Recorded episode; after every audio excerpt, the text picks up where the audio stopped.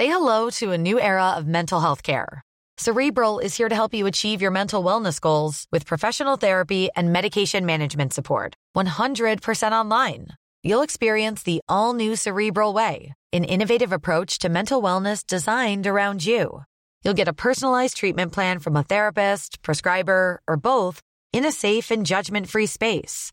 Your cerebral therapist or prescriber will outline a customized plan with clear milestones along the way so you can get to feeling your best. With Cerebral, you're not alone in your mental health journey. We're here to empower you to live a fulfilling life. So take that first step towards a brighter future and sign up today at cerebral.com slash podcast and use code ACasts to get 15% off your first month. Offer only valid on monthly plans. Other exclusions may apply. Offer ends July 31st, 2024. See site for details. Hey, I'm Ryan Reynolds. At Mint Mobile, we like to do the opposite of what Big Wireless does. They charge you a lot, we charge you a little. So naturally, when they announced they'd be raising their prices due to inflation, we decided to deflate our prices due to not hating you. That's right. We're cutting the price of Mint Unlimited from $30 a month to just $15 a month. Give it a try at mintmobile.com slash switch. $45 upfront for three months plus taxes and fees. Promo rate for new customers for limited time. Unlimited more than 40 gigabytes per month. Slows. Full terms at mintmobile.com.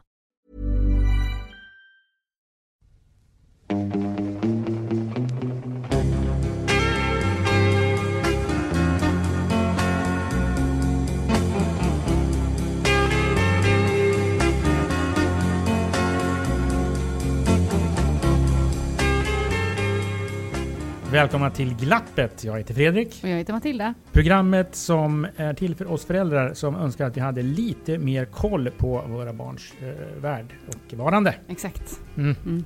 Eh, idag eh, tänkte vi prata om mediernas eh, påverkan. Ja, herregud. Ja. Det här känns som att det också skulle kunna bli fyra poddar tycker jag. Mm. Eh, Ja men verkligen. och lite som jag varit inne på tidigare, så här, poddar man kanske egentligen inte vill höra. Mm. Eller? Ja kanske, eller, eller så här. Jag tror att den- just den här Ja, tror jag kanske inte alla vet om att de måste Borde höra. på. just det. Därför att det handlar om att bredda perspektiven om Ja. eh, mediernas eh, roll och påverkan. Det är, ju- Absolut. jag tänker att det är inte alltid man tänker på dess roll. Nej, verkligen inte. Eller hur stor impact den har. Exakt. Och vi ska få mm, liksom veta mer om det och resonera tillsammans med Nina Åkerstam som är här. Välkommen. Tack. Du är forskare på Handelshögskolan här i Stockholm och skribent. Och du har precis skickat in din avhandling, Ja, eller hur? Och den heter Understanding Advertising Stereotypes. Det stämmer. Wow. Mm. Alltså först high five för en färdig avhandling. Tack. Det känns Det måste vara helt jätteskönt. sjukt. Hur länge? Är det fyra år man håller på för att skicka in en avhandling ungefär? Ja, en doktorsavhandling är ungefär fyra år. Mm. Mm. Imponerande. Tack. Verkligen. Men jag tycker alla borde få ett pris när man har jobbat med något i fyra år. Det, spelar, det är ganska unikt för akademin att vi liksom får små presenter och fester och ringar och hattar. Liksom Just det. beroende. det tycker jag alla borde få. Det är väldigt bra. Då har man liksom något att kämpa mot. Det tycker jag vi ska ha som eh, krav här i Glappet. Att när vi har gjort Glappet i fyra år, då har vi en sån jävla fest. Då, gör, då får vi en hatt Då får ni en en hatt hatt, och en podd, ring. Exakt. Bra. poddhatt och poddring. Ja, så Härligt. bra. Det tycker jag vi kör direkt. All right. Eh, jag tänker så här. Eh, om du eh, på eh, ett antal meningar kan sammanfatta vad du har kommit fram till i arbetet i fyra år med eh, den här avhandlingen. Kan man göra så? eller? Absolut. Eh, jag har kommit fram till, eh, och det här är då inte bara min forskning utan också såklart att granska andra människors forskning, för det är ju en alldeles mycket större del av att forska än vad jag trodde var att bara lära sig vad som finns att veta, för det är ofta enormt mycket på varje Mm. ämne. Eh, så jag har kommit fram till att fortfarande idag så är majoriteten av all reklam stereotyp. Den visar stereotypa bilder av människor. Och det här gäller överallt i hela världen. Inte bara västvärlden utan resten av världen också. Det är någonting som konsumenter vet om och uppfattar att det är så. Eh, och reklamen laggar också lite efter samhällsutvecklingens förändringar. Som vi säger till exempel att kvinnor börjar arbeta mer i något land. Eh, så att större delen av arbetskraften består av kvinnor och fler kvinnor får chefspositioner. Bara ett exempel. Så brukar det ta bort mot tio år innan reklamen börjar visa det. Så att ofta känns reklamen lite gammaldags tycker ja, konsumenterna. men om man då backar till steget före. Mm. Varför uppträder reklammakarna på det här sättet? Alltså, det finns väl flera förklaringar förstår jag. Men Mm. någonstans så tänker jag att eh, det är en effekt som kommer ut på andra sidan. Ja, alltså jag, mitt perspektiv är konsumentperspektivet. Så Mm. jag tittar på hur människor reagerar på olika Ja, typer det. av reklam. Eh, så framförallt då har jag jämfört stereotyp reklam och icke-stereotyp reklam. Och sett liksom hur, vilka psykologiska processer det sätter igång hos folk och vad man tycker mer om och sådär. Så jag kan egentligen inte uttala mig så mycket om varför reklamarna gör som de gör och varför det laggar. Och det finns egentligen ingen annan forskare som heller riktigt har liksom satt fingret på. Så där har vi liksom en fråga som vi Nej, måste besvara. det kanske är eh, bra också tänker jag. eh, Att man inte har gjort det. Eh, Därför att om man får så här tydliga förklaringar på att det här fungerar Ja. så känns det ju jävligt jobbigt. Men det vet vi ju Men det att det, kan ju inte vara- gör. Eftersom Okej. det, när man forskar på konsumentperspektivet, Ja. då tar man ju reda på vad som fungerar. Ja. Mm. När man forskar på så att säga, företagsperspektivet, då tittar man ju mer på organisationens processer och liksom Right. så. Det är där man får svara på de frågorna. Varför gör vi som vi gör? Mm. Det är inte så enkelt. Det är något som alla ekonomer blir snabbt medvetna om när man pluggar. Det är att det är inte så enkelt att företag alltid gör det som funkar. Nej. Utan det är ofta Ja, mycket, det vet mycket mer komplext än så. Ja, det vet ju alla som har jobbat på ett företag för guds Ja, skull. men, Det är liksom, det är inte så enkelt. Men vi tror gärna det. ja, just det. Ehm, Mm. Och de här stereotyperna eh, som då används i reklam. Mm. Vad eh, har du i din studie sett att det ger för eh, påverkan? Negativ påverkan? Den negativa påverkan är framför allt på varumärkena. Eh, Mm. Det är ganska intressant, för Mm. man kan tro att den att det liksom, ja men det finns ju massa gamla så här, sägningar om att så här, sex säljer, eller liksom helt- allt det klassiska så här, sälj grej med tjej och så. Studien? Den bekräftar att konsumenter inte är så förtjusta i att framställa stereotypt i reklam, varken sig själva eller andra människor. Eh, och det gör att när man ser reklam som är väldigt stereotyp, oavsett om det handlar om kön, eller etnicitet eller sexuell läggning, vilket är de tre sakerna jag har kollat på. Man kan ju titta på massa andra saker naturligtvis. Eh, men alla projekt har ju liksom en begränsning, så jag har tittat på de tre grejerna. Och vad blir då, vad blir eh, effekten? Effekten blir att man gillar reklamen mindre. Okej. För Bra. att den är stereotyp. För det kan Ja. man isolera med statistisk analys, att det är just det som är problemet. Ja. Eh, så, och det beror på att man, där kommer vi in på samhällseffekterna, för det beror till stor del på att man tror att andra människor påverkas negativt av stereotyp reklam. Även Ja. om man själv känner sig lite immun och så här. Ja. Jag bryr mig inte så mycket om liksom, det, jag tänker inte så mycket på reklam. Det är en Nej. ganska vanlig inställning. Så är man medveten om att det kan finnas en massa andra människor som tar illa vid sig. Och Mm. därför så liksom straffar man reklamen genom att ogilla den. Och det spiller också över till varumärket.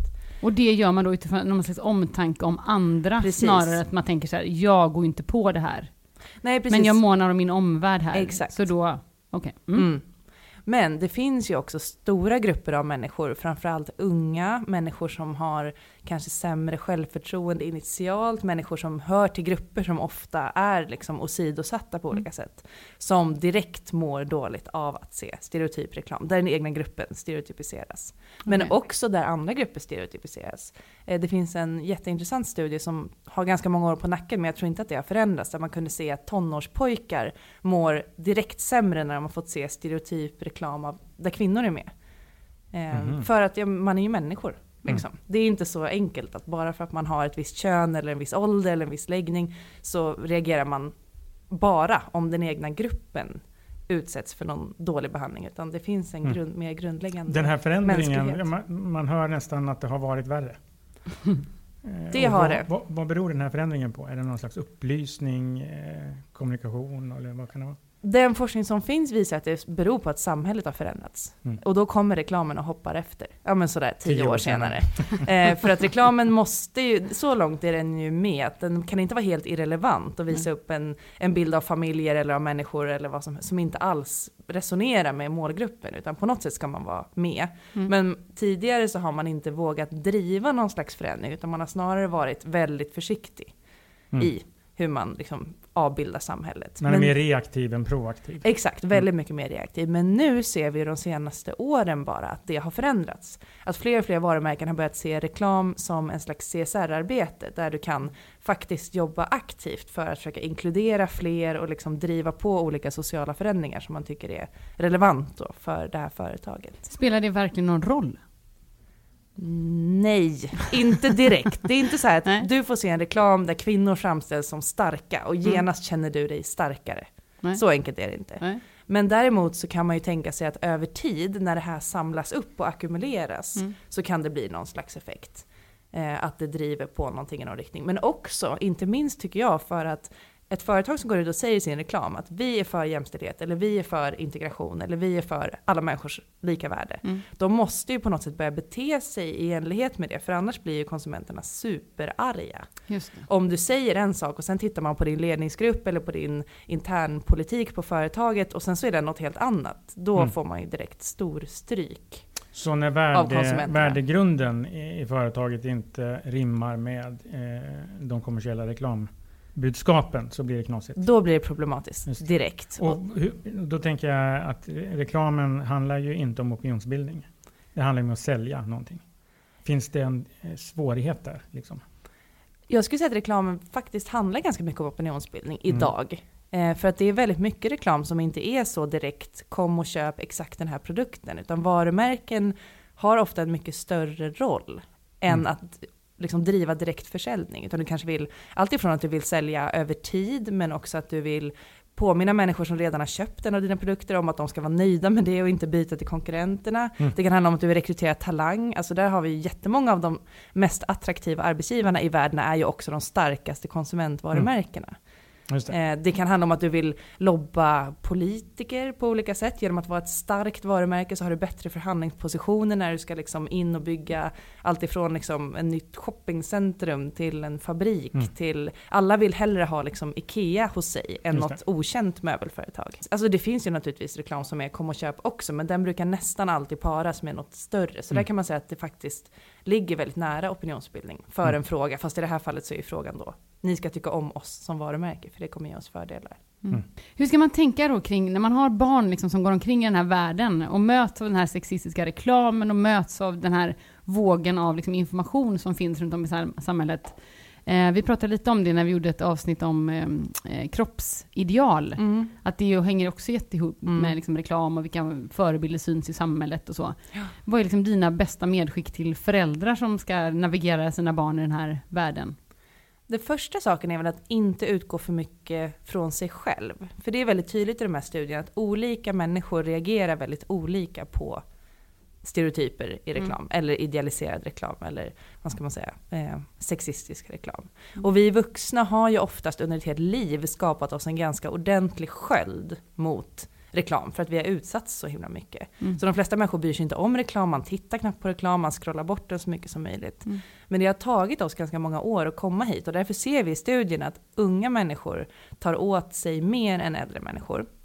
Eh, Vi ser att när det handlar om till exempel avklädda kroppar så tar män åt sig mer än kvinnor. Eh, vilket det också är, tror jag, en effekt av samma sak. Att vi kvinnor har övat hela våra liv på att liksom värja oss mot avklädda bilder av kvinnor. Medan män inte har fått samma övning att värja sig mot avklädda bilder av män. Säga, Alltså de tar åt sig så tillvida att de blir irriterade eller frustrerade? De får sämre in- självförtroende direkt. Av Män att se en sämre- avklädd man. Ja, Jaha, inte kvinnor. okej. Så att jag kan se en naken kvinna, det, det kan gå mig ganska mycket förbi. Mm. Men en Alltså, man ser en naken man och då Precis. påverkas han på ett annat Du, sätt? exakt, får direkt lite sämre självförtroende. Okej, Eh, och du som kvinna blir fortfarande irriterad på reklamen och tycker att den är dålig. ja. Men den kommer inte åt dig på ett personligt plan. På okej. samma sätt som den gör med män. Men Mm. män får inte den här skölden på det sättet. Precis, det här är min hypotes som Ja. jag måste forska mer på. Men jag tror, för jag har bara sett den här Nästa fyra år. effekten. Ja, precis.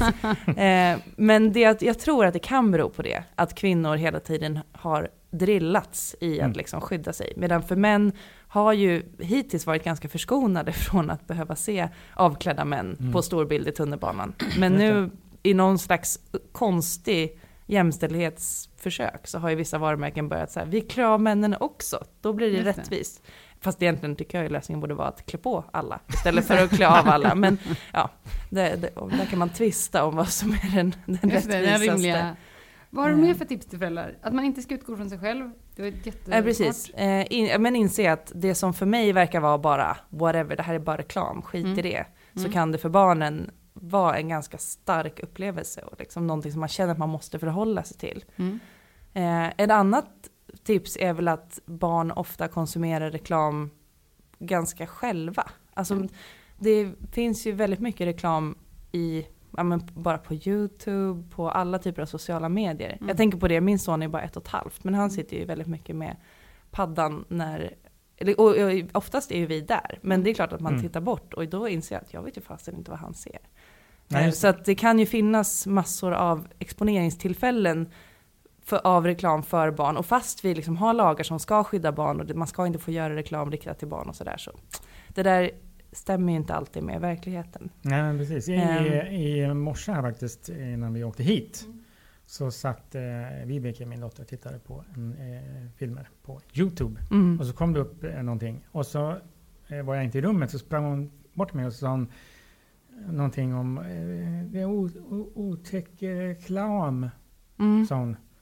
Och jag så här, ja, eh, ska vi gå och titta på det då och se vad det, vad det var? Men var det inte det utan det var en otäck clown. Mm. Ja. Eh, så att, eh, Du bara pew. Ingen hur? till sig bilder. men än. det finns ju ganska mycket reklam såklart som Ja. de exponeras Ja, för. och som kan vara, alltså där finns det ju etiska riktlinjer för att reklam ska inte vara skrämmande och den ska inte vara förnedrande mot någon och den ska inte vara diskriminerande och så vidare. Och det stämmer ju ofta inför den målgruppen den är tänkt för. Men i och med att sitter man på YouTube så kan man ju väldigt lätt komma in på filmer som inte är tänkta för barn och de kan då ha reklam som inte är tänkt för barn. Mm. Och där kan det vara reklam som en vuxen absolut inte ens skulle tänka på som är jätteläskig eller på något sätt Mm. konstig för ett barn att se. Så dels är väl det att försöka, jag antar, sitta med så mycket som möjligt och kolla vad som faktiskt finns. Eh, Mm. Men sen så tänker jag att man som förälder kan hjälpa till. Alltså man måste ju prata om reklam. Det är så lätt att tycka att reklam är oviktigt för att, vi, Mm. för att ingen av oss gillar det. Alltså ingen människa gillar ju reklam utom vi som jobbar med det. Eh, och därför så är det lätt att tänka att ja, men det är bara strunt i det. Liksom. Det är Mm. bara en massa blaj. Och det är det ju, men det betyder inte att den inte påverkar oss. Nej, Den, är ju designad för att Mm. påverka. Eh, Det är hela poängen och den tar för sig. Det är stora format och färger och former och det är musik och jinglar och liksom det är precis. Och barn som då inte har samma liksom, ka- hjärnkapacitet som vuxna har har ju svårare att, att värja sig mot det. Så jag Mm. tror att man måste vara med dem och förklara, inte bara, för där tycker jag skolan gör ett rätt bra jobb att förklara att reklam är till för att övertyga, att det inte, Mm. det är sant det som sägs men det är ofta vinklat på något sätt och så. Men däremot bilderna av människor, alltså vem är med, vem är inte med, vad är en vanlig familj i reklamens värld, vad är en vanlig familj i verkligheten? Mm. Eh, vi vet ju till exempel att i västvärlden så är det ungefär, give or take, 10% av befolkningen som lever i öppet icke-heterosexuella relationer och familjebildningar. Men i reklamen har ju det varit nästan ingen Mm. under väldigt lång tid. Och nu senaste åren har det börjat hända, men det är långt ifrån 10% fortfarande. Det. Så det kan man ju prata om, att liksom, ja, men våra kompisar har ju den här familjen och i reklamen är den här familjen och vi har den här familjen. Mm. Så att man liksom blir medveten om att det som visas i reklamen är inte det som är rätt eller det som är sant. Det är bara ett exempel på hur det kan vara. Det. Och sen när man börjar snacka tonårsbarn, då tycker jag att det blir, då måste man ju gå in tungt med det här med kroppsuppfattning och normer. Framför allt då för killar. Just det. Eftersom jag tror att de flesta har ett ganska bra hum om att ja, men, tonårstjejer är väldigt ex- exponerade och är väldigt stor riskgrupp för ätstörningar och andra typer av liksom, negativ kroppsuppfattning. Men Mm. det gäller pojkar också, det är samma, de är lika känsliga, det är bara att vi inte har sett det. Och vad ska man säga då? När du tänker sen, man ska gå på tungt liksom. Vad är det viktigt att liksom komma ihåg och prata om när man pratar om eh, reklam och kroppar då? Men jag skulle säga dels att det är viktigt att påminna om att vi ser ju fler riktiga människor varje dag än vad vi ser reklammodeller. Mm. Alltså man faktiskt kommer ihåg att man ska liksom titta på gatan också. Så här ser människor ut. Det här är en människa. En människa är inte som folk ser ut i reklamen oftast, men de finns också. Det är inget fel på dem. Men det är Mm. liksom ett exempel. Mm. Ehm, men också en, en grej som kan vara bra att vara medveten om, och det här förvånade mig när jag började forska, det är att ju närmare du själv ligger i reklamidealet i utseende, desto känsligare är du.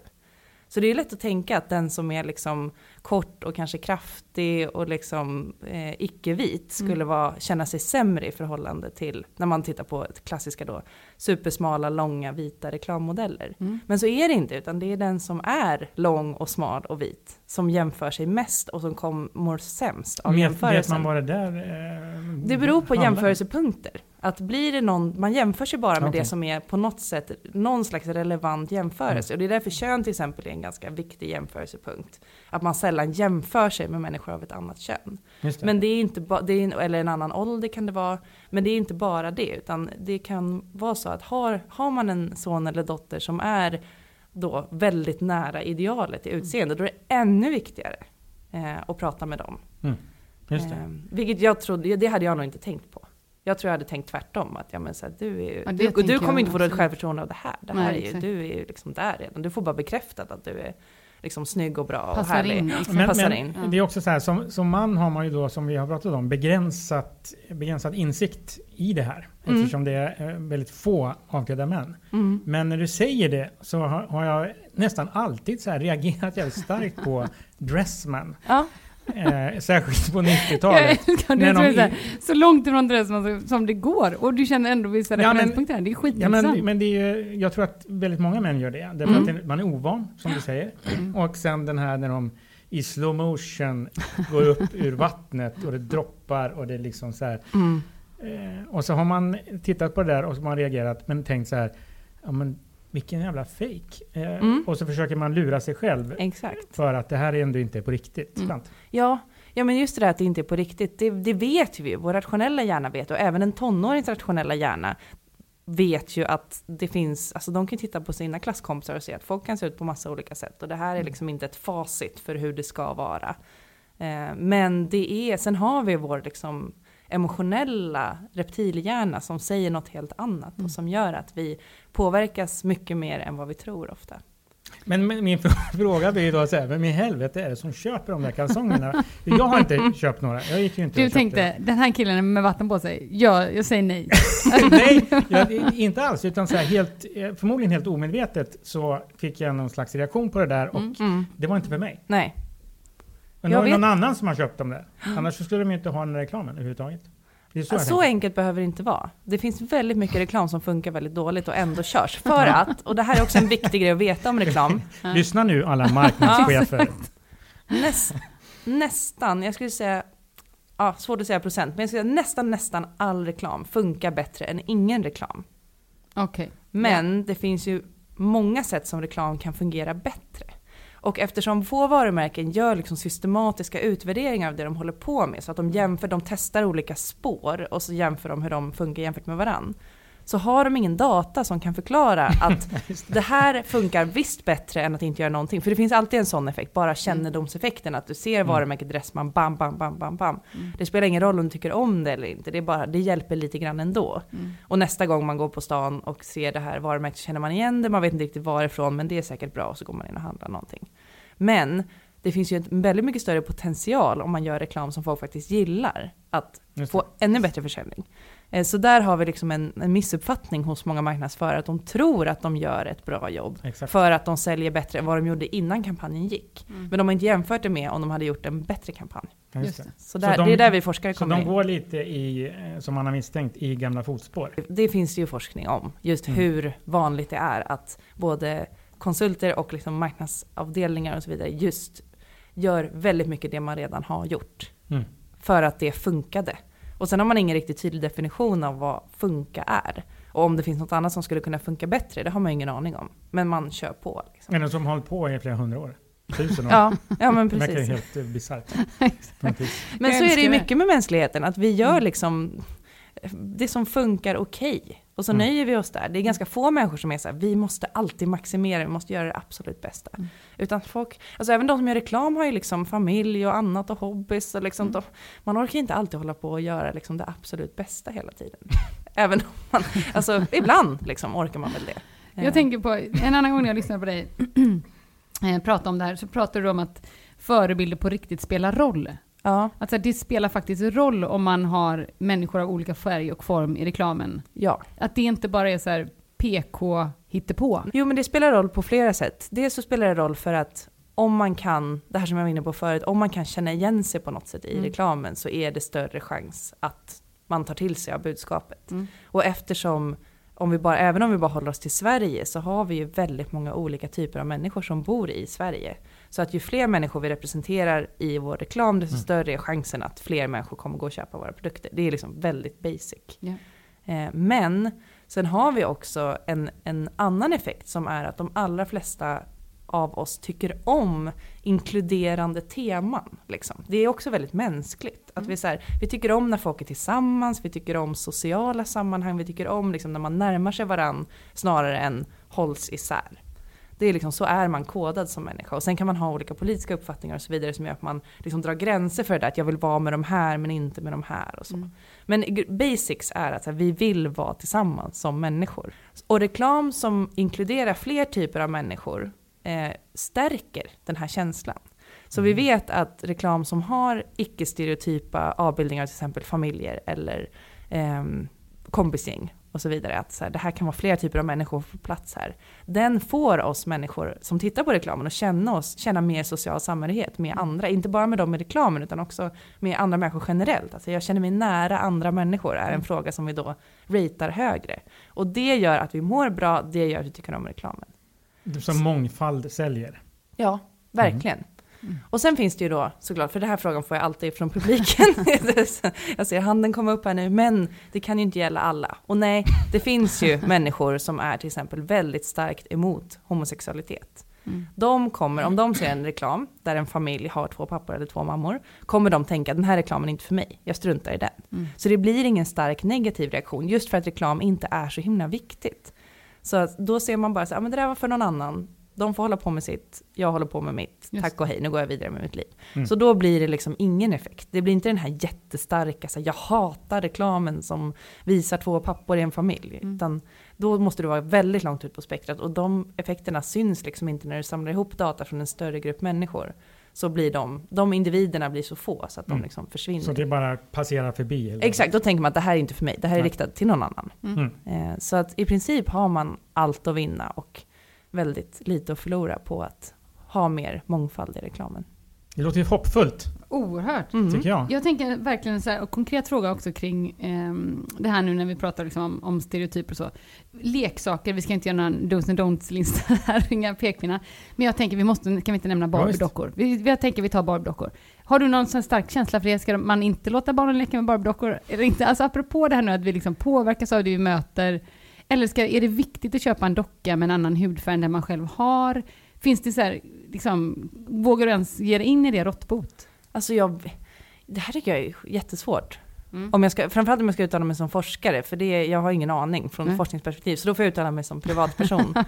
och jag skulle säga, apropå ja, men det jag sa nyss om mångfald, så är det väl bara lägg till istället. Yeah. Så skulle jag tänka, om barnet jättegärna vill leka med Barbie, så in med flera typer av leksaker. Ja. Eh, och hjälp dem att liksom få ihop en värld som ser ut, för det är inte, jag kan inte tycka att det är något fel på en Barbie i sig. Det är ju fel, det kan bli fel när det bara är det. Mm. mm. Som symboliserar kvinnlighet eller symboliserar framgång. Eller liksom. Eh, men så länge man har det som en av tusen lekar man mm. gör, inte tusen leksaker behöver man inte ha, men, Nej, men liksom en lek är eh, Barbie sätter på sig fina skor och går på fest, som var den leken jag lekte, ska jag säga 99% av tiden när jag var, när jag var barn. Eh, det är en lek och sen så finns det liksom krigsleken och så mm. finns det eh, liksom räknarleken och så finns det sång och dansleken och så finns det allting annat. Då blir det ju liksom inget problem. Nej. Och det gäller ju reklam också. Jag ser inte framför mig att man liksom ska förbjuda en viss typ av människor att vara med i reklamen. Att man som marknadsförare, så du ska aldrig kunna ha en liksom, normperson i din reklam. Det är inte mm. det det handlar om, utan det är ju att bara få in mer.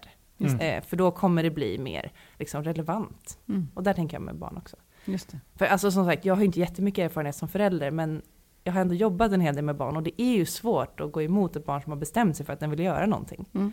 Mm. Liksom, är det den här leksaken, den här leken som gäller, då är det ju ofta det. Mm. Och som förälder kan man kanske liksom, just det, slänga in mer i mixen. Mm. Bra råd tycker jag. Mm. Normally being a little extra can be a bit much. But when it comes to healthcare, it pays to be extra. And United Healthcare makes it easy with Health Protector Guard fixed indemnity insurance plans. Underwritten by Golden Rule Insurance Company, they supplement your primary plan, helping you manage out of pocket costs without the usual requirements and restrictions like deductibles and enrollment periods. So when it comes to covering your medical bills, you can feel good about being a little extra. Visit uh1.com to find the Health Protector Guard plan for you. Say hello to a new era of mental health care. Cerebral is here to help you achieve your mental wellness goals with professional therapy and medication management support. 100% online. You'll experience the all new Cerebral Way, an innovative approach to mental wellness designed around you. You'll get a personalized treatment plan from a therapist, prescriber, or both in a safe and judgment free space. Your Cerebral therapist or prescriber will outline a customized plan with clear milestones along the way so you can get to feeling your best. With Cerebral, you're not alone in your mental health journey.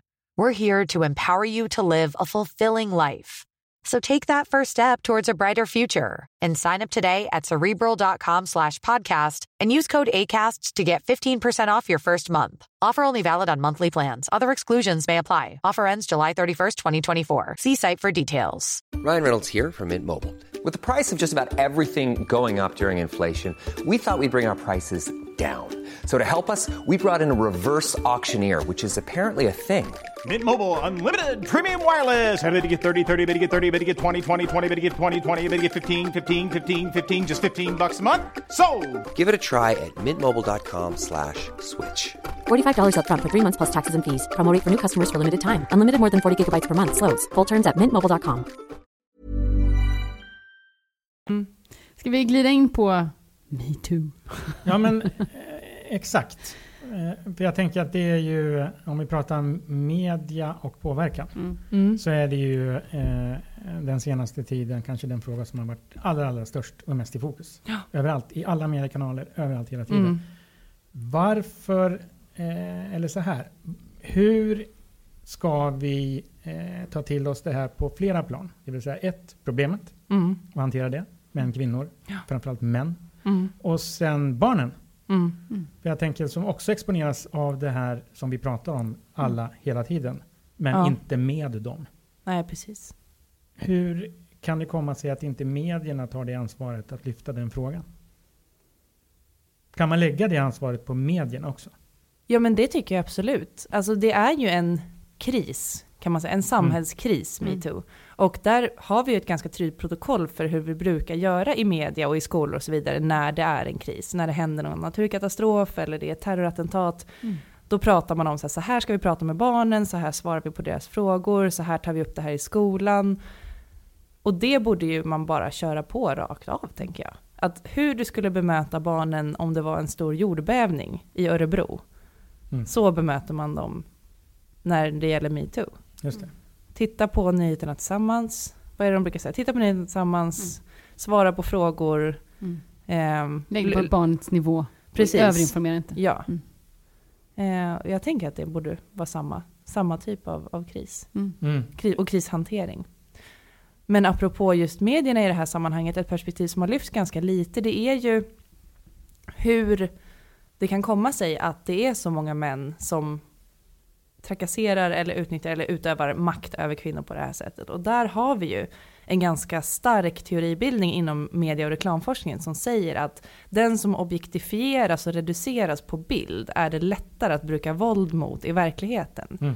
Så där har man ofta tagit exempel på så här nazistisk propaganda under, innan andra världskriget. Mm. Hur den liksom framställde människor av olika etniska grupper som mindre värda och som liksom problematiska på olika sätt. Det finns också från USA under, liksom innan medborgarrättsrörelsen tog fart så fanns det väldigt mycket reklam som framställde svarta amerikaner som liksom på olika sätt men puckade, mindre värda, Mm. fattar ingenting. Alltså sånt som gjorde det lättare att liksom sen bruka faktiskt våld mot dem. Och där har vi ju verkligen haft en sån grej med kvinnor i reklam. Mm. Att kvinnor har reducerats till sexobjekt. Kvinnor, man är ofta utsatts för våld i reklam. Mm. Eh, Det var en, ett examensarbete från Beckmans för några år sedan som hette Stop Female Death in Advertising. Där hon räknade hur mycket döda kvinnor som är med i modereklam. Och det var ju hårresande. Är det sant? Det här har jag inte ens Ehm. tänkt på någon gång i hela mitt liv. Nej. På vilket sätt? Jättevanligt. Ja men att det är en modebild och där eh, liksom en kvinnlig modell på något sätt ligger, poserar, är på ett sätt som är så här, hon kan inte vara vid liv. Alltså ligger utfläkt över en motorhuv, har trillat ner för en trappa, ligger liksom upp och ner, Jaha, bak och okej. fram, i så här sant? väldigt onaturliga Ja. kroppsställningar och blundar, liksom, är död. Och det är ju extremen, men det finns ju också, alltså det här att bara reducera en kvinn, kvinna, en kvinnlig modell till ett sexobjekt. Eh, det skulle man då kunna tänka sig underlättar för sen i verkligheten att män och även kvinnor kan reducera andra kvinnor till sexobjekt. Så där har ju reklam och media faktiskt ett ansvar i det här. Mm. Att vi har varit del av hela liksom möjliggörandet. Även om en reklamenhet inte går ut och sexuellt trakasserar någon, Nej. så är det liksom ytterligare ett bevis för att det här är lite mer okej. Mm. Den här människan är lite mindre värd. Vi kan göra så här utan att det kommer hända någonting. För att det här är liksom en estetisk bild vi har i samhället.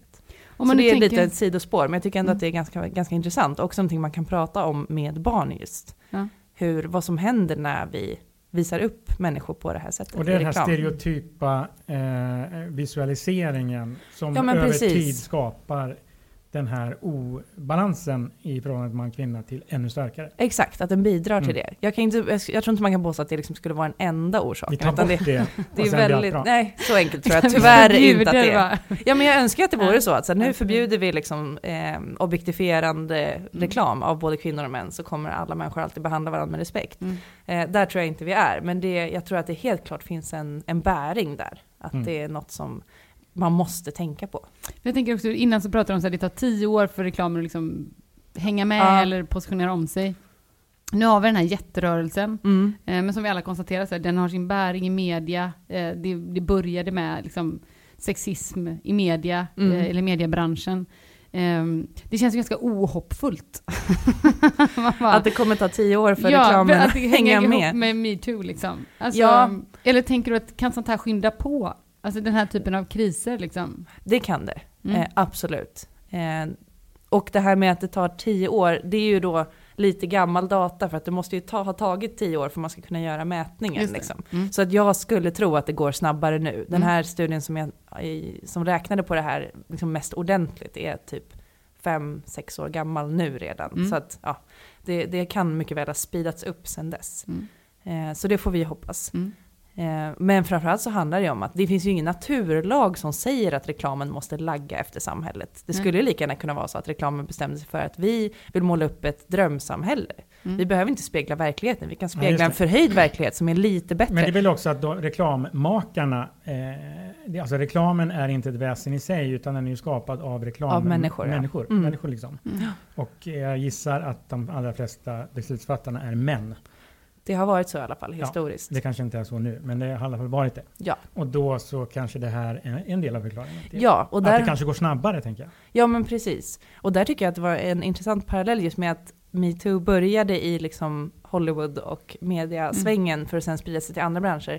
Det är ju ganska, det är inte så konstigt kanske att om man har en sån kultur i en bransch, att det sen avspeglas i produkten man prånglar ut, Mm. i det här fallet då film eller musik eller vad det nu än är. Och att det sen i sin tur påverkar andra. Mm. Och där har vi ju samma sak i, i reklam, att det har varit en bransch och är väl till stor del fortfarande, som har varit väldigt rutten utifrån Mm. jämställdhetsperspektiv och värderingar och så. Och då kanske inte så konstigt att Mm. det liksom kommer ut produkter som inte är eh, så genomtänkta på det sättet. Men den startar ju också i bästa möjliga eh, sammanhang. Alltså metoo-kampanjen. I Hur menar du? Hollywood och i de största medierna. Ja. Som tog lite tid på sig innan man började egentligen att Mm. ta tag i bitarna. Ja. Men jag menar, de kanalerna eh, är ju... Om man hade, om det hade startat i någon advokat... Eh, liksom, rörelse så hade det Ja. inte fått den här magnituden. Nej men precis. Mm. Och där har det ju pratats mycket om att det kan vara ett problem att det blir en viss typ av berättelse som kommer fram. För det är de som redan har makt som nu kan liksom berätta. Medan de som inte har makt, vi ser inte jättemycket så här timanställda lokalvårdares metoo-uppror. Nej, Eh, för de har inte möjligheten. De skulle inte kunna få jobba mer om de började protestera mot det här.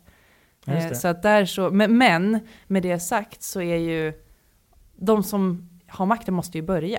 Så tänker jag alltid att med makt Mm. kommer ju ansvar och man måste börja där och sen för att sen kunna hjälpa de som inte har makten. Det är väldigt svårt att säga att jag som har makt ska hålla tyst för att de som inte har makt ska gå först. Det blir ju en, svår sak att realisera. Ja, men det är ju så mycket i det här som egentligen är jävligt komplicerat. Ja. tänker jag. Det är inte så enkelt som att nu metoo och sen kommer allt bli bra här på 5-10 års sikt. Nej, Utan det reser ju ännu mer frågor. Mm. Det Ja. lyfter ju fram de riktiga frågorna. och det kämpiga Utan nu att förminska de här som redan finns. Ja, nej, men det kämpiga nu blir ju så här, vad gör vi åt det? Och vad händer? Hur många har vittnat om att eh, män som var jätteengagerade i metoo-kampanjen så länge det gällde Harvey Weinstein och Hollywood, eller kanske till och med Aftonbladet, alltså något som inte rör en själv direkt blir superfrustrerad när det dyker upp ett upprop i den egna branschen. Exakt. För vi har ju inga problem, eller i alla fall så illa är det inte. Ad- Advokatsamfundet Mm. reagerade ju väldigt starkt så att så här, det här var överdrivet och det här Mm. var liksom, så här kan det inte vara. Och det är massa som har skrivit på som egentligen inte har sett något och det, det här är bara si och så. Jag tänker också att det handlar om jättemycket, eller jag har varit så enormt frustrerad eh, i den här hela kampanjen och följt den på ett nästan osunt sätt. Mm. men, men, och det är liksom, det är, jag är inte förvånad. Alltså det, il, min ilska bygger inte på oj, nej men shit, är det så här? Utan Nej. det var ju bara så här, ja jag vet. Mm. Men där jag också känner att jag själv, eh, jag måste förhålla, alltså förändra mitt förhållningssätt, för jag har också spelat på spelregler Mm. som, som liksom, där jag har gjort mig mindre än vad jag är. Mm. Där jag har liksom spelat, anspelat på min kvinnlighet, absolut. För att vinna kortsiktiga segrar liksom. För att jag Mm. vet att om jag verkar lite mer korkad än vad jag egentligen är, och lite vänlig och gullig så, så kommer jag få det kommer att ge mig liksom kortsiktiga segrar, jag kommer att få som jag vill, eller jag Mm. kommer liksom i den här konflikten, situationen, vad det nu kan vara, så kan det vara en gain för mig. Och där tänker jag att det liksom, då när jag plockar hem det till mig själv, så, så tänker jag så här, jag har bestämt mig för att jag aldrig mer ska ta någon skit. så Lex Grynet på 90-talet, hon var lite för oss andra. Men, men att, här, att faktiskt säga ifrån och faktiskt stå för det jag tycker och liksom vara lite mindre klämkäck och Mm. lite mer to the point. Eh, och det är ju okej nu när alla är så här medvetna och glada och liksom, åh det är så bra med metoo, är härligt. Men min fundering är då, vad händer sen? Liksom när är toleransen med att jag är lite tydligare slut? Mm. Och när kommer liksom smällen tillbaka i att kan du inte liksom ta ett djupt andetag nu Matilda, du behöver inte Ja. bli så liksom upprörd över det här. Eller, alltså vad det nu kan vara. Där funderar jag mycket också kopplat till mina barn. Mm. Alltså stå på dig, ta ingen. Alltså jag, så försöker jag uppfostra mina två Ja. tjejer. Jag tänker att du gör likadant. Det har vi också pratat om i andra poddar. Att så här, vi försöker få våra tjejer att stå på sig och liksom så. Men det, det finns ju, jag känner liksom, det, det viner ju en, liksom, en knytnäve i nacken här.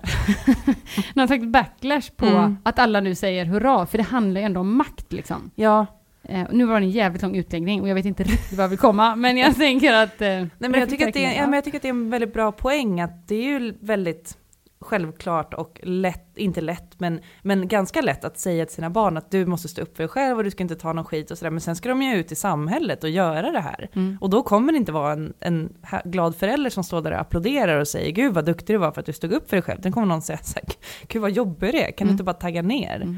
Och vad händer då? Liksom, Att man är beredd som förälder där också. Att även om man inte, och framförallt när barnet blir äldre, alltså vuxen och så, ska kanske på gymnasiet och vidare, när man inte kan liksom ha föräldramöten om det här. Mm. Eh, hur stöttar man ett barn som har stått upp för sig själv och fått Mm. jäkligt mycket däng för det? Mm.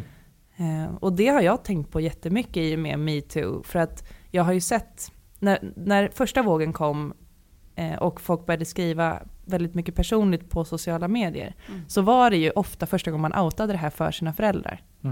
Mm. Och Ja, det just tyckte jag var det tuffaste med att skriva min historia. Det skrev jag också i texten. Att så länge jag inte berättar det här har mina föräldrar inte ett våldtaget barn. Mm. Och det är bland det värsta, Mm. att behöva utsätta dem för det. Mm. Alltså jag, igen det här, jag klarar mig, men Mm. stackars alla andra. Mm. Eh, och det såg jag, jag berördes jättemycket av att se alla de, framförallt mammor, som Mm. var inne på sina döttrars Facebook och kommenterade att så här, vissa av de här sakerna visste jag, men jag visste inte allt. Mm. Och det här är så tufft och liksom, eh, ja, hur, hur jag, vad är rätt liksom, reaktion i det läget? Mm. Det tycker Men- jag är jättesvårt. Ja men absolut, och någonstans så handlar ju det här också om att få till en förändring i attityden hos män.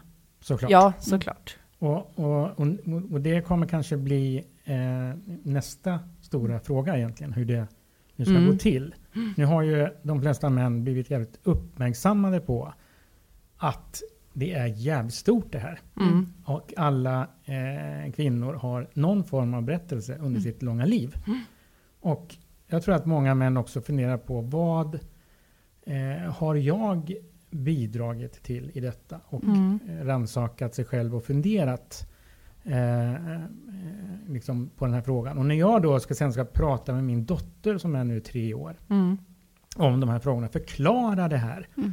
För jag vill ju inte att hon ska växa upp med en bild av att så här är det att leva. Nej, så här måste det vara. Så här är Mm. det. Eller så här, Nej. så här kan det inte få vara. Eller, och där eh, återstår ju ett arbete tänker jag. Mm. eh, som jag inte vet riktigt eh, hur, man, hur man tar sig an, om man ska vara helt ärlig. Jag tänker att det är en så här, det är, eh, jag tänker att man kan gå tillbaka och, och googla på så här chock och chockens olika stadier. För jag Mm. tänker att det är lite det som är grejen, att så här, nu är vi i någon slags så här, kris. Så här, alla kvinnor måste få ur sig det här. Mm. Sen så kommer man ju då in, nu kan jag inte chockens stadier i huvudet redan som ett rinnande vatten, men sen kommer det någon sån här liksom passivitets... Förnekelse, Ja, precis det, förhandling. så är det. Eh, ja, jag kan inte heller allihopa. Men, Men- jag vet att förnekelse är ett av de första stegen. Exakt. Och, Och det, det- den ser man ju tydligt nu. Eller hur? Ja. Och att, man, att det, är så här, det kommer att gå, och jag tänker att männen, ni kommer att komma in där någonstans efter förnekelsen.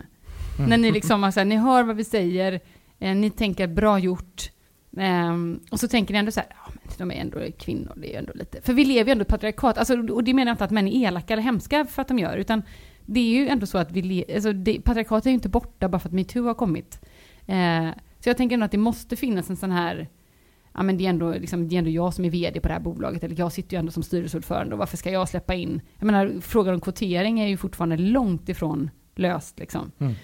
Eh, och att vi sen liksom, i steget därefter, när vi så här börjar bara bli förbannade över det som har hänt, då tänker jag att det är asviktigt att män också förenas i den där jävla ilskan. Mm, just det. Ehm, Men det verkar ju som att det normala beteendet hos män inte har infallit i den här situationen.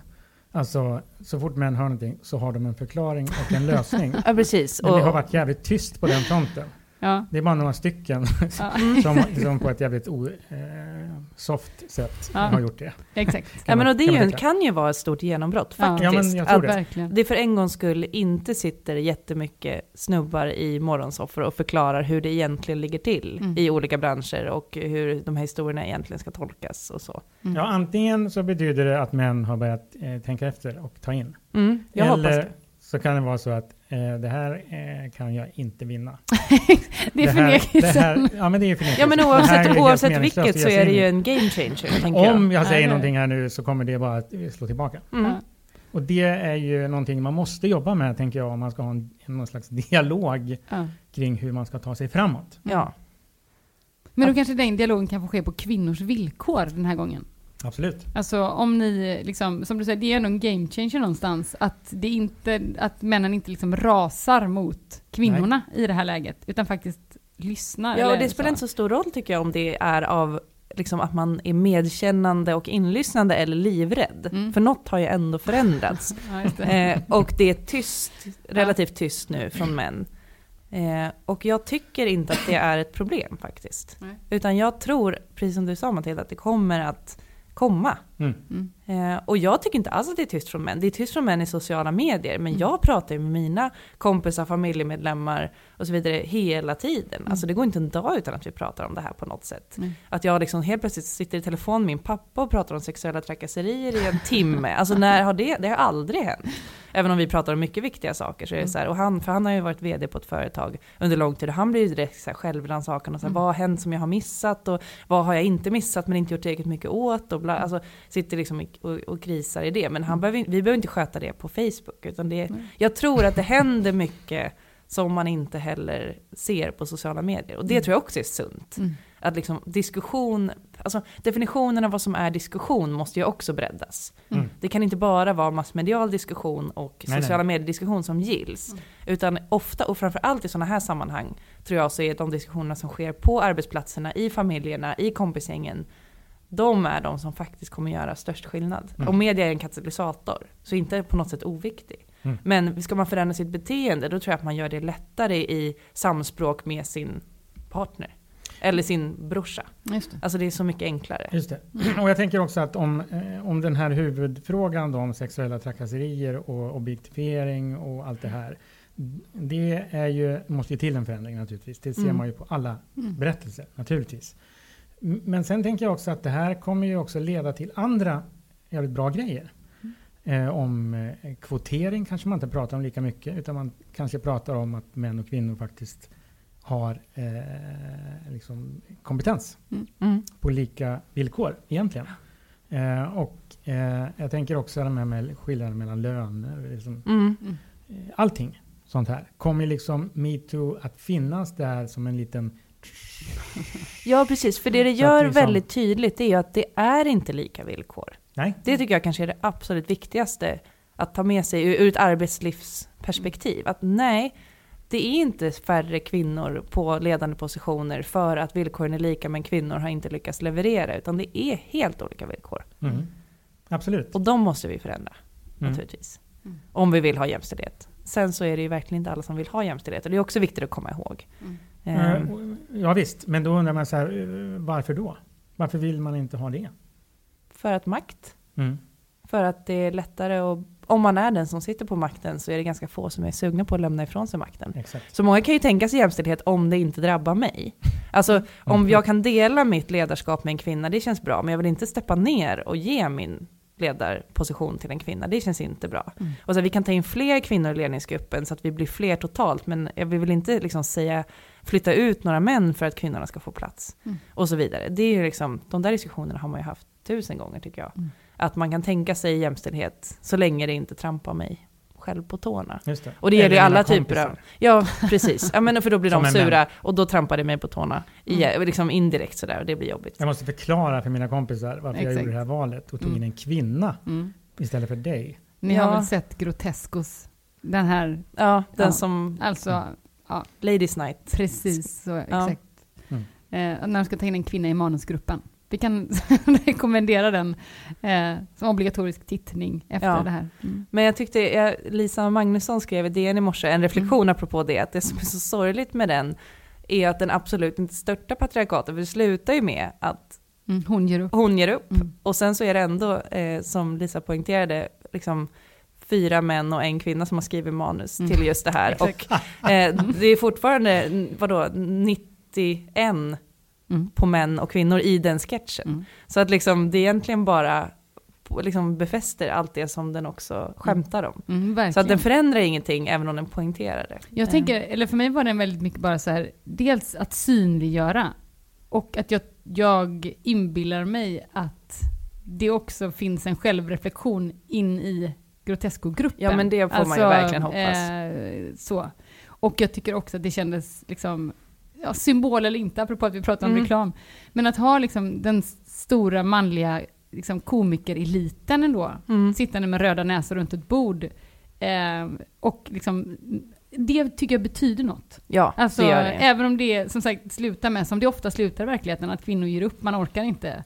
Även om den här manusgruppen är fem män och en kvinna eller vad det nu är. Liksom, så var det för mig också, fanns ett symbolvärde Mm. i att någonstans de här tar ställning eh, och tycker att det är orimligt. Jo men igen också apropå det här med att villkoren faktiskt inte är lika så Mm. var det ju jag och väldigt många med mig som, man känner verkligen så här, men de har liksom spelat in min karriär. Alltså det är någon som har satt gömt en mikrofon och så här, hur det är. För jag har alltid jobbat i mansdominerade sammanhang. Mm. Jag har inte varit kanske den enda kvinnan men alltid en av väldigt få och i vissa sammanhang faktiskt den enda. Mm. Eh, och just den här dynamiken i diskussionerna och hur man alltid är den här jobbiga människan som kommer dragande med det där genuskortet och hit och dit. Även fast man är där för att göra det så är det. Så där tror jag också, på tal om det här att det liksom, ja men synliggörandet, jätteviktigt. Verkligen. Mm. Mm. Det finns mycket att säga här alltså. Ja, men det, det här blir ett lite annorlunda program eftersom Ja. det inte finns en supertydlig eh, koppling till hur vi hanterar det här kring våra barn. Mm. Eh, men det Och är kunskap Mm. och insikt och Exakt. sen kommer någonting annat. Precis, så tänker jag verkligen Mm. att det är. Att det, och ska vi kunna förändra, vara andra förebilder för våra barn, så börjar ju förändringen hos oss själva. Mm. Eh, och den är svår. Alltså, tycker jag. Som jag sa innan, jag tycker ändå att jag varit en jävligt medveten person Ja. som tycker jag har tagit rätt fighter och, och liksom försöker uppfostra mina barn så fria som de, det går. Liksom. Men jag Mm. känner jag fortfarande i den här metoo-grejen att jag tänker att fasken, jag har också lagt band på mig själv. Jag har också betett mig på ett sätt som jag inte Mm. i här, den bästa världen hade velat kanske. Mm. Eh, och att jag måste ju börja i det. Även om jag inte har liksom våldtagit någon eller alltså på det sättet Mm. så finns det ändå liksom beteenden hos mig som helt klart lirar i patriarkatet liksom. Mm, absolut. Mm. Och jag tänker Mm. så här att det här är ju fantastiskt. Din forskning, allt det här som rör den här påverkansbiten för barn som växer upp. Mm. Jag vill ju verkligen att min dotter ska få växa upp i något annat. Mm. Mm. Det känns ju så här Mm. supertydligt Mm. för mig. Mm. Liksom. Ja. Så. Verkligen. Så det blir spännande. Ja. det ska också bli spännande att höra din, din trepunktslista som ska Jag sammanfatta summerar det alltid på slutet. Och det blir så otroligt roligt. Jag tror aldrig jag har skrivit så här mycket under någon podd. Jag har sett det. Jag ska hem och göra en egen powerpoint-presentation så jag ska visa mig själv varje morgon tror jag. Eh, Men jag tänker så här, jag måste, bara, jag måste snegla lite här nu. Eh, Jag tänker att en viktig grej att säga det är ju faktiskt det här att vissa grupper mår direkt sämre när de ser, ser stereotyp reklam. Mm. Det tycker jag var en, här, en otroligt eh, liksom, viktig lärdom från det här samtalet. Mm. Att det spelar faktiskt roll. Liksom. Vi, barn, män, kvinnor, vi är olika typer av, alltså vi har olika vaccination mot det. Men vi påverkas faktiskt. Och man kan mäta att vi direkt kan få sämre självförtroende Ja. av att se en viss reklam. Det tycker jag var brutalt, måste jag säga. Eh, mm, mm, mm, mm. Sen tänker jag att, eh, lite eh, för att jacka i det, så var det första tipset som du gav till föräldrar var så här, utgå inte från dig själv. Mm. Och det är ju assvårt, Mm. eh, tänker jag. för man upplever ju ändå världen utifrån sig själv hela tiden. Ja. Men Men att faktiskt reflektera kring det. Vad brukar mitt barn eh, gå igång på? Vad brukar mitt barn vara känslig för? Ja, men om det är läskiga clowner eller... nej men så här, det, man vet ju ändå så här, vad ens barn Mm. ja, men går igång på, liksom, tycker det är svårt eller så här. Och att fundera utifrån barnets perspektiv. Ja men precis, Eh. att titta på reklam och media som, som att man såg det för första gången. Ja, Eh, och försöka se liksom mängden och eh, liksom vilka historier som berättas gång på gång på gång och liksom hur, ja, hur Mm. människor avbildas tycker jag är jätteviktigt. Och sen kan jag också lägga, lägga till där om, ehm, som jag glömde att säga när vi pratade om själva forskningen, men det är ju att det är ju inte kört. Alltså det här att människor mår dåligt, kan må dåligt direkt av Mm. att se vissa typer av reklam. Mm. Det finns också forskning som visar att genom att man spär på det som kallas för identity safety, okej. alltså identitetssäkerhet, det låter som väldigt avancerat, Mm. men det egentligen handlar om det är att eh, om man stärker människan som utsätts för Mhm. den här reklamen i sin egen identitet, att du är värdefull, du är bra på de här sakerna, alltså vad det nu än är som reklamen eventuellt kan, kan kritisera, din Mm. karriär, hur bra du är på karri- i karriären, hur snygg du är, vad det nu än är, Mm. så kan andra människor, eller annan media för den delen, Mm. liksom ta bort det genom att stärka personen. Och där har man ju ett väldigt viktigt råd till föräldrar, att det finns en möjlighet att genom att stärka barnens självkänsla Mm. så kommer du vaccinera barnet mot, eh, kanske inte helt och hållet, men du kan i alla fall väldigt mycket eh, lugna ner den där effekten. Just det. Alltså att om du, eh, om ett barn har liksom sett någonting och den jämför sig och känner sig ledset över det, Mm. så kan du hantera det i situationen genom att stärka barnets självkänsla och påminna om eh, andra saker som det här barnet har som är eh, bra och viktigt och liksom även, ja, eh, kanske också kontextualisera själva liksom grejen den har sett. Alltså Mm. det här är inte ett bevis på att så här ska människor vara eller se ut. Det här är bara, det här är bara en bild. Det här är Just det, bara ett exempel. Det är liksom, inget fel på det, men, Mm. men så här är inte du, så här är inte vi. Och det, är, det är jättebra, det är vi också. Och det sista eh, som jag ändå tänker, måste vi sluta i någon sorts hoppfullhet. Eh, och det är ju det här att eh, det faktiskt spelar roll. Ja. Vill, liksom det spelar roll. Vill du göra bra reklam? Var inkluderande, för vi människor gillar det. Mm. Vi känner oss stärkta när vi ser liksom, sammanhang där vi känner att vi är inkluderade. Ja. Eh, och det är inte så många som känner sig inkluderade när det är liksom, heterovita, smala personer eh, på bilderna. Så att det finns allt att vinna för både människor och företag att ha en smartare reklam, eller en, en, liksom en mer inkluderande reklam. ja, gud vad bra. Eller? Det där, det sammanfattningen tror jag jag får använda på när jag ska försvara avhandlingen. För det där var precis det som, som jag ville säga. Det är asbra. Mm. Men det, ska jag snabbsammanfatta eller? Ett. Vissa grupper mår direkt sämre av att se stereotyper. Och ofta sådana som man kan identifiera sig med. Exakt. Just det, ju, det är bra tillägg. Ju närmare man ligger stereotypen, desto mer påverkad blir man. Eh, två, eh, utgå inte från dig själv när du pratar med dina barn om reklam. Och det finns ett vaccin, vaccin som kallas självkänsla när Ja. det kommer ett sånt här. Bra. Eh, tre, inkludering är big business, bra business och bra för människor. Och Ja. prata konsekvenserna av metoo med varandra. Ja, verkligen. Och förbered hur ni hanterar det här med era barn. Precis. Mm. Och det finns andra svar. poddar. Ja. Nej, men jag tänker vi, gör, man kan, vi kan tillbaka tipsa till Ja. till exempel Prata med barn om svåra saker med Petter Ivarsson från BRIS. Yes. Vi har också en podd om självkänsla. Mm. Eh, eller flera stycken egentligen som Mm. tangerar det. Om man vill ha tips och råd hur man bygger självkänsla hos barn. Så det blir så här lite sammanfattnings... Och så kroppsstereotyperna med Mm. forskaren från Göteborg. Jättebra. Ja, eller hur?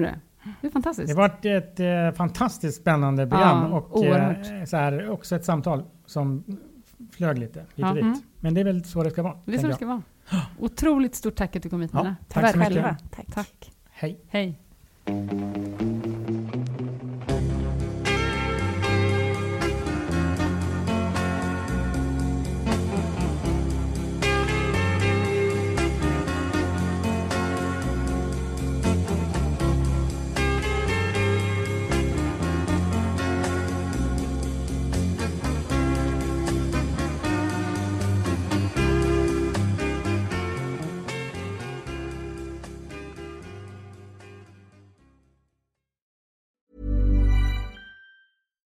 Botox Cosmetic, out of botulinum toxin A, FDA approved for over 20 years. So, talk to your specialist to see if Botox Cosmetic is right for you. For full prescribing information, including boxed warning, visit BotoxCosmetic.com or call 877-351-0300. Remember to ask for Botox Cosmetic by name. To see for yourself and learn more, visit BotoxCosmetic.com. That's BotoxCosmetic.com.